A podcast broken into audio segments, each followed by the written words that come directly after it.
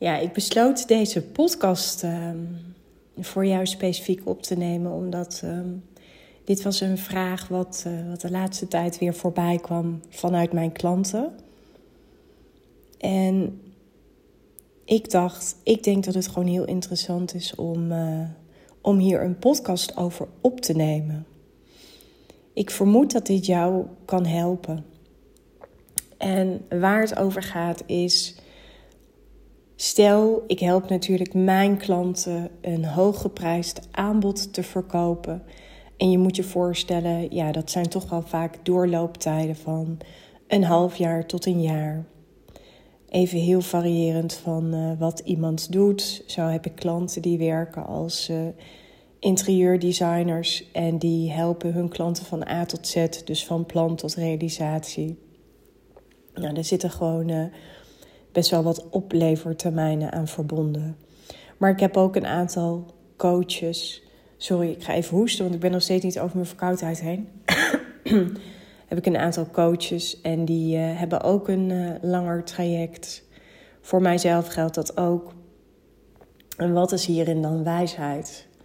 Nou ja, ik denk dat er altijd, ja, je kunt dit vanuit verschillende perspectieven kun je dit bekijken. Maar de allereerste vraag is natuurlijk: wat wil jij en wat is het beste voor je klant?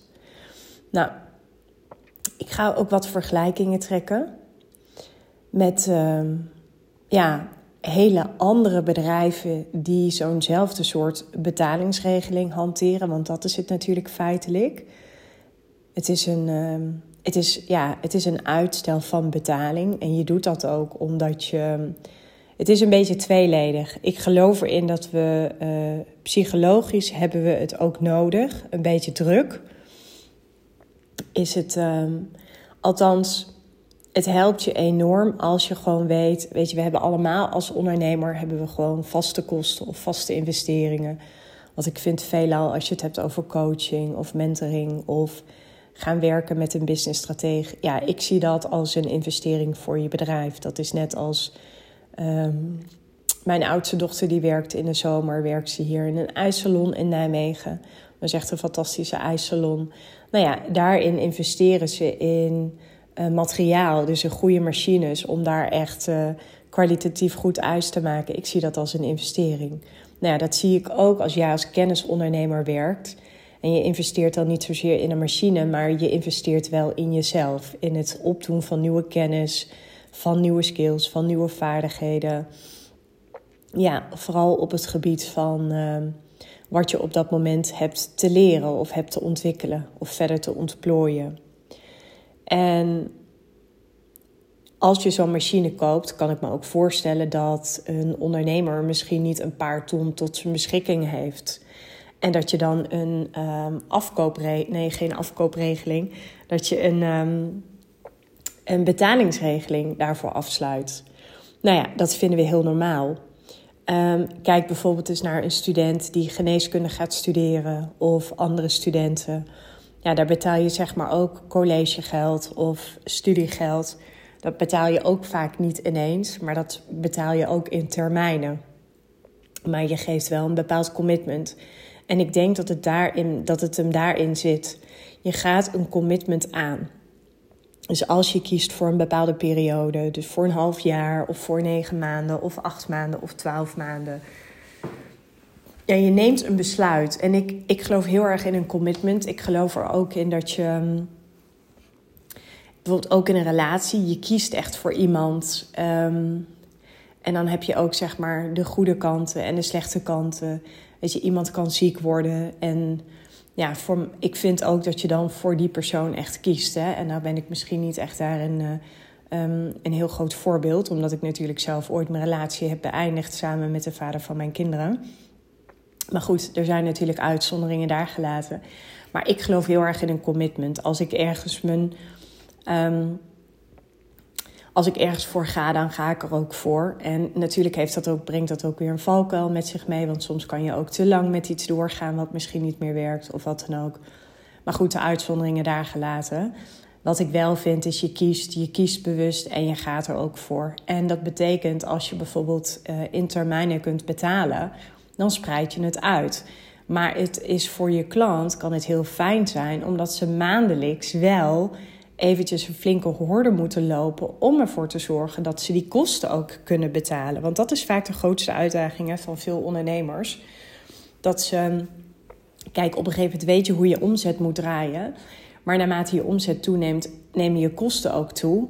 Om daar dan ook een balans in te vinden. Nou ja, ik vind zelf, als je kijkt naar het high-end verdienmodel, moet je ongeveer op max 30 tot 40 procent uh, aan kosten hebben. Max. Ik vind dat zelf ook altijd persoonlijk wel een sport. Dat maakt ook dat ik uh, uh, werk met een, met een begroting. Dus ik maak echt een plan voor 2023. Zodat ik ook niet voor verrassingen kom te staan. Mijn omzet kan plannen en ook weet waar ik aan toe ben. Maar ook bewust daarin meeneem. Oké, wat zijn de investeringen die we doen voor 2023? Ik heb een bepaald omzetdoel wat ik heel graag wil behalen. Mm. Ja, een omzetdoel behalen kan alleen maar als je daarvoor weer investeringen doet. Want ik kan wel zeggen van ik wil dit jaar voor een miljoen gaan. Of in 2023.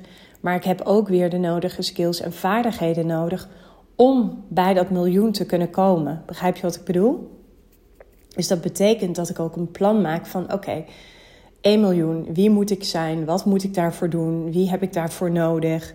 Dus op die manier pel ik dat helemaal af. En vervolgens ga ik voor mezelf bepalen: oké, wat zijn dan de investeringen die ik doe? Wat zijn dan de kosten? Dus het is fijn als je weet waar je als ondernemer naartoe, uh, waar je aan toe bent. En natuurlijk moet je altijd reserveposten opnemen, want het kan zomaar zijn dat je Tenminste, ik ben ergens ook een hele intuïtieve ondernemer. Dus als ik ineens besluit van ik wil veel meer met uh, graphics gaan doen... of ik heb zin om met een art director te gaan werken in mijn bedrijf... of wat dan ook, omdat ik voel van ja, dit is de volgende stap... dan vind ik het wel fijn dat ik ook zeg maar daar een post voor heb opgenomen... waarbij ik wel de mogelijkheid heb om dat te doen... of dat ik moet gaan schuiven of dat ik moet gaan kiezen... Alleen ik geloof wel dat je net zo goed als dat je je omzet plant, plan je ook je kosten en je investeringen. Ik geloof in die zin misschien niet altijd in het zomaar het lukraak doen. Ik denk wel dat je het moet begroten. Ik bedoel, ja, dat doe je waarschijnlijk ook met je, met je huishoudboekje. Althans, ehm, ja, ik ben daar zelf behoorlijk spits op. Maar goed, terug naar die termijnbetalingen. Ja, moet je dat nu wel doen of moet je dat nu niet doen? Persoonlijk geloof ik zelf uh, maar ik heb het ook wel eens anders gedaan. Ik vind het het zelf altijd het lekkerst als ik een investering doe, dat ik hem, dat ik hem ineens kan doen. Omdat het dan een soort van uit mijn systeem is. Uh, ik vind dat zelf persoonlijk het fijnst. Maar goed, dat is voor iedereen anders. Want er zijn ook momenten geweest dat ik een grote investering heb gedaan. Op dat moment de middelen niet had. Er uiteraard wel een heel groot geloof in had. En toen koos voor termijnbetalingen. Maar goed, wat je wel vaak ziet is bij termijnbetalingen, wat ik op zich ook heel plausibel vind, is dat er dan vaak door de ondernemer een, een risicoopslag uh, wordt toegepast. En dat is vaak een beetje rond de 10, 20 procent. Nou, dat vind ik gewoon heel normaal.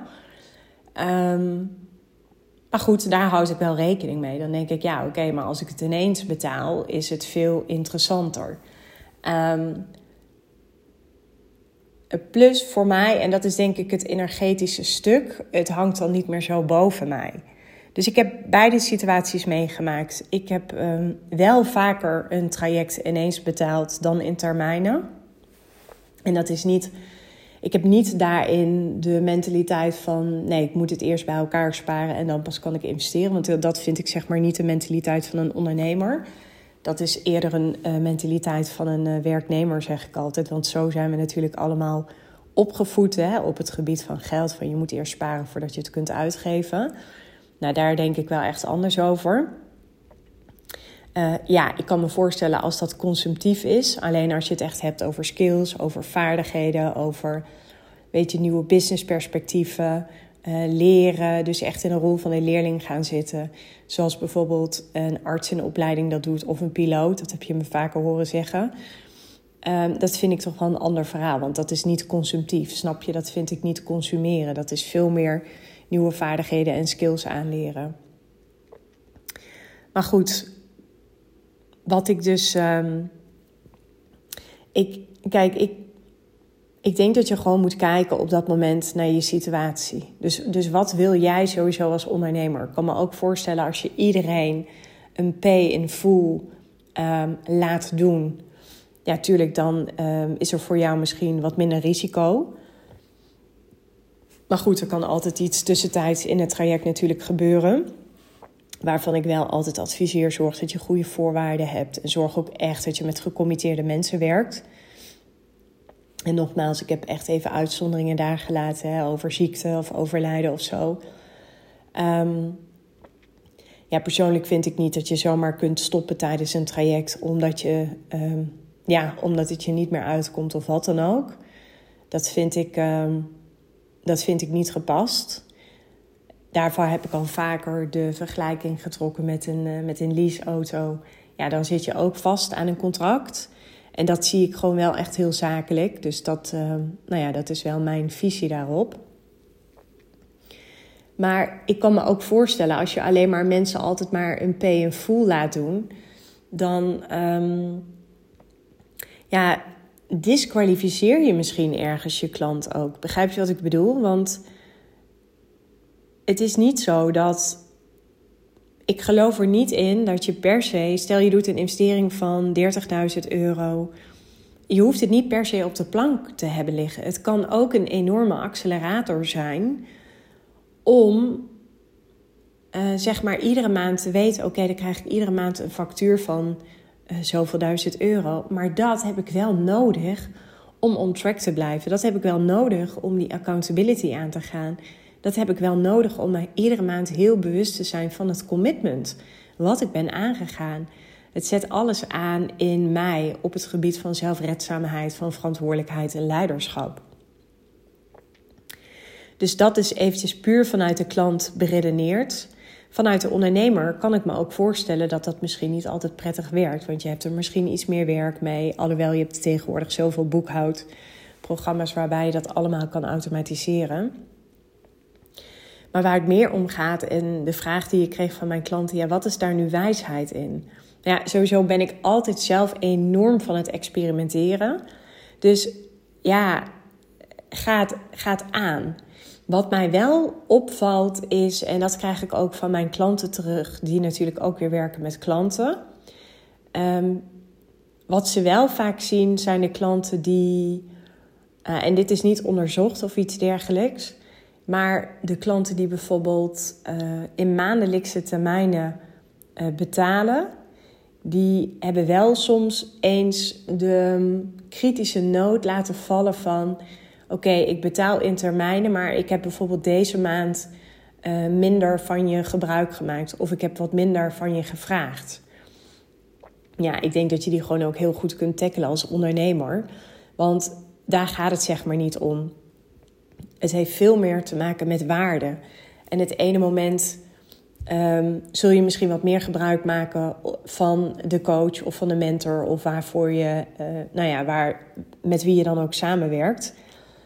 En het andere moment zal dat misschien wat minder zijn. Maar tegelijkertijd vind ik het ook, en dat is wat ik mijn klanten ook teruggeef. Zorg dan ook dat je met mensen werkt die daar commitment in tonen. Zorg ook dat je met mensen werkt die een leiderschap hebben. en die ook op een bepaalde manier de tijd nemen om na te denken over: oké, wat is nou een goed, goed, goede kwalitatieve vraag? En als ik kijk naar mijn doelen, dus stel even ik als voorbeeld, hè, stel ik heb een mentor en ik betaal iedere maand 5000 euro, omdat het een traject is van, nou ja, even uit mijn hoofd 60.000 euro. Ja, dan kan ik denken van oké, ik heb iedere maand een factuur van 5000 euro en ik heb deze maand geen gebruik gemaakt van Pietje. Maar ik kan ook denken, maar wat zegt dat nu over mij? Wat had ik voor mezelf kunnen doen om ervoor te zorgen dat ik een hele goede kwalitatieve vraag zou stellen? Um, geef ik ook echt 100%? Kijk het naar mijn doelen en naar mijn procesdoelen, want ik werk met mijn klanten altijd met doelen en procesdoelen. Wat, ja, uh, ik noem maar iets, hè. stel 2023 en ik wil voor een miljoen gaan. Wie moet ik zijn om dat te kunnen doen? Wat betekent dat voor mijn niche? Wat betekent dat voor mijn prijs? Wat betekent dat voor mijn aanbod? Wat betekent dat voor mijn positionering? Moet ik daarin mijn marketing nog scherper doen? Wat kan ik nog verbeteren op het gebied van sales? Hoe zit het met mijn conversie op dit moment? Uh, staan klanten voor mij in de rij? En ik weet heel vaak, als ik het even terugzoek bij mezelf, in plaats van dat ik het projecteer op de persoon aan wie ik zeg maar dat maandelijkse bedrag verschuldigd ben, ehm, dan pak ik veel meer die eigen verantwoordelijkheid. Dan geloof ik er ook in dat je geen vragen zult stellen als: ehm, ja, ik weet niet zo goed wat ik er nog uit moet halen. Of ik weet niet zo goed wat jij nog voor mij zou kunnen betekenen. Of uh, ik heb bereikt wat ik wilde bereiken en we hebben nog vier maanden te gaan. Ik, ja, persoonlijk is dat wel wat ik meer zie in de markt, wat gebeurt op het moment dat mensen in termijnen betalen. Dus zou je dan kunnen stellen dat de mensen die het ineens betalen, hebben die daar minder last van? Nogmaals, dat weet ik niet. Ik heb het zelf niet onderzocht. Maar als ik puur naar mezelf kijk. Um, ik denk als je een uh, betaling ineens doet, dat je soms ook misschien wat luier wordt.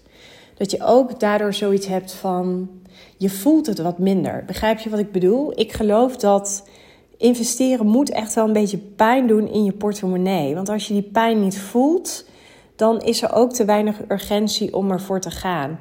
Je moet eigenlijk, vind ik, toch wel maandelijks geconfronteerd worden met het feit wat maakte dat ik destijds die investering deed? Dat moet je even bij jezelf voelen. En ik denk dat zo'n um, maandelijkse factuur die je dan krijgt, die helpt je daaraan herinneren. Het zet je gewoon even aan. Het zorgt er ook voor dat jij niet gaat slapen of dat je niet gaat kabbelen. En het is een, het is een enorme accelerator.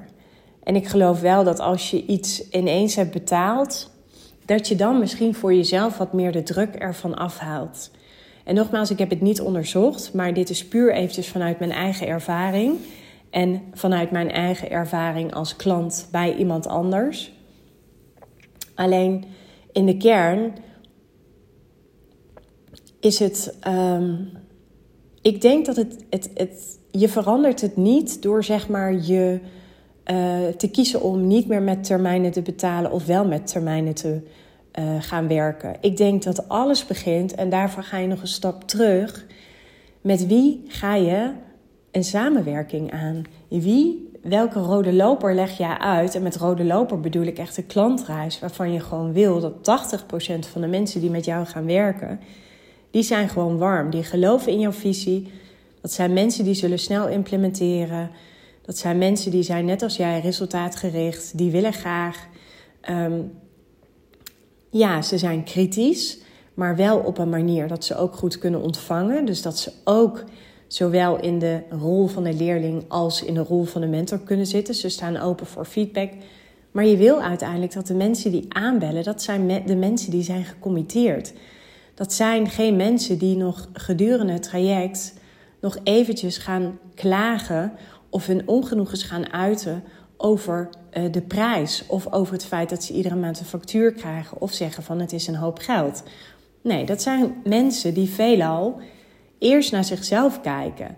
En natuurlijk kan het zomaar zijn dat je gedurende een traject, hè, even los van wat je biedt, hè, want dat kan ook zomaar zijn dat je um, als fotograaf een langere tijd met iemand werkt, of als interieurdesigner of stylist of als personal stylist je moet het niet gaan afmeten aan hoe vaak iemand beschikbaar is voor jou. Ik vind dat nog niet helemaal um, de senior mentaliteit of de mentaliteit van een high performer. En ik wil gewoon graag met high performers samenwerken. En dat is niet omdat ik er een oordeel over heb, maar op dat niveau ben je niet bezig met het feit: oh, het is weer een hoop geld wat eraan komt. Nee, want dan leg je het zeg maar buiten jezelf neer. Het is veel interessanter om voor jezelf te gaan kijken. Oké, ik krijg weer een factuur, fantastisch. Want dat betekent dat ik weer um, die persoon tot mijn beschikking heb. En dat betekent dat het voor mij weer een accelerator is om nog beter of nog meer de gelaagdheid in mezelf op te gaan zoeken van oké, wat kan ik nu doen? Waar wil ik naartoe? Wat is, wat is die stip op de horizon? Wat is mijn omzetdoel? Wat voor soort klant wil ik binnenhalen? Wat wil ik dat ik aan kosten heb? ik zeg ook, en dat zeg ik ook vaak tegen mijn klanten: het kan niet zo zijn dat je geen vragen voor mij hebt. Dat kan niet. Als je namelijk geen vragen hebt, dan denk je te klein.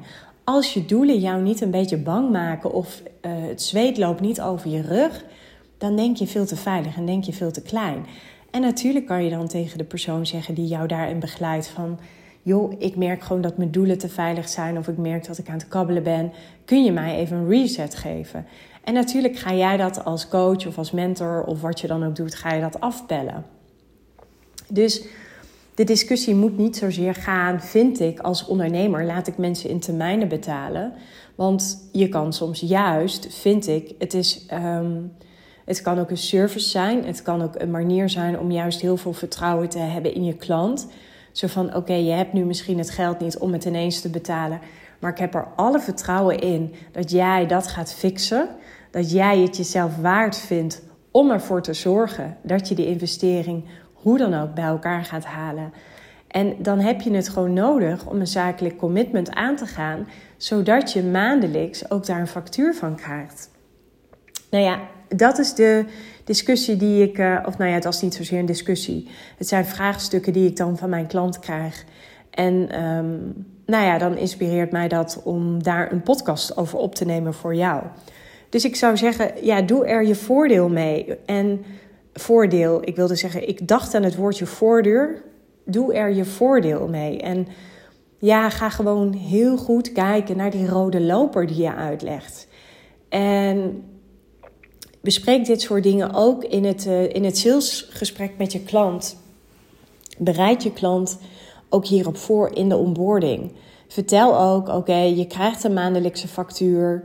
Uh, dit betekent dit en dit. Laat het als accelerator zijn. Ik ben echt zo groot voorstander altijd weer van het omdenken. Dus je kunt uh, als klant zijn en dan denk ja, dat is een hoop geld en ik heb er deze maand niet uitgehaald. Nee, weet je, oké, wat kan ik eraan doen? En hoe kan ik ervoor zorgen dat die factuur die ik maandelijks betaal, dat die in lijn is met de doelen die ik wil behalen? Wat moet ik daarvoor doen? Wie moet ik daarvoor zijn? Welke vragen moet ik daarvoor stellen aan de persoon die mij begeleidt in dat proces? Plus, dit is nog eventjes aanvullend, want die vraag kreeg ik ook. Stel je eruit een omzet van, ik noem maar iets, een ton. En je zou een investering doen in een business coach van 50.000 euro. Is dat reëel? Ja, ik vind dat dat iets is wat je zelf als ondernemer moet, moet bepalen. Want uiteindelijk zijn het skills en vaardigheden waar je in investeert. Zo zie ik dat. Nou, dat is iets wat niemand van je kan afnemen. Want kennis en ervaring, dat is een enorme verrijking. Dat heb je ook gewoon nodig in het ondernemerschap. Je ziet vaak althans de klanten met wie ik samenwerk, die zijn ergens expert in, maar ze hebben nog veel te leren in het ondernemerschap. Dus die expertstatus die hebben ze, maar ze hebben dan nog veel meer te leren van oké, hoe gaat een high performer of een ondernemer op high-end niveau met bepaalde thema's om? Of hoe stelt hij bepaalde vragen of hoe maakt hij zijn keuzes of wat dan ook. Dus ik, ik denk dat het nooit zoveel uitmaakt wat jij uiteindelijk investeert. Ik, moet, ik vind wel altijd dat je goed moet kijken, want soms moet je gewoon keuzes maken. Ik bedoel, dat doe ik ook.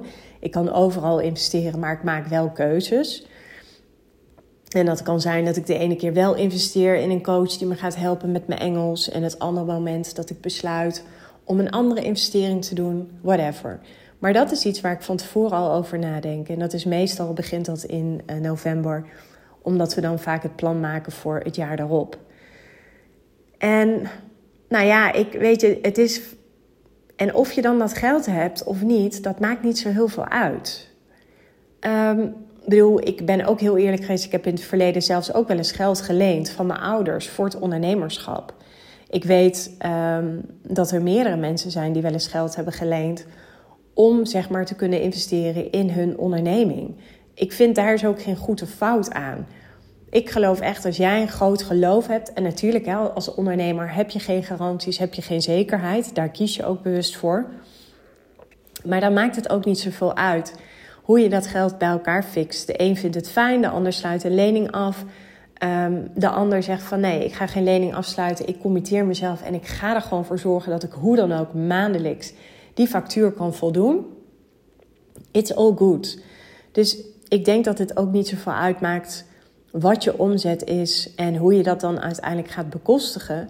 Het gaat er weer om.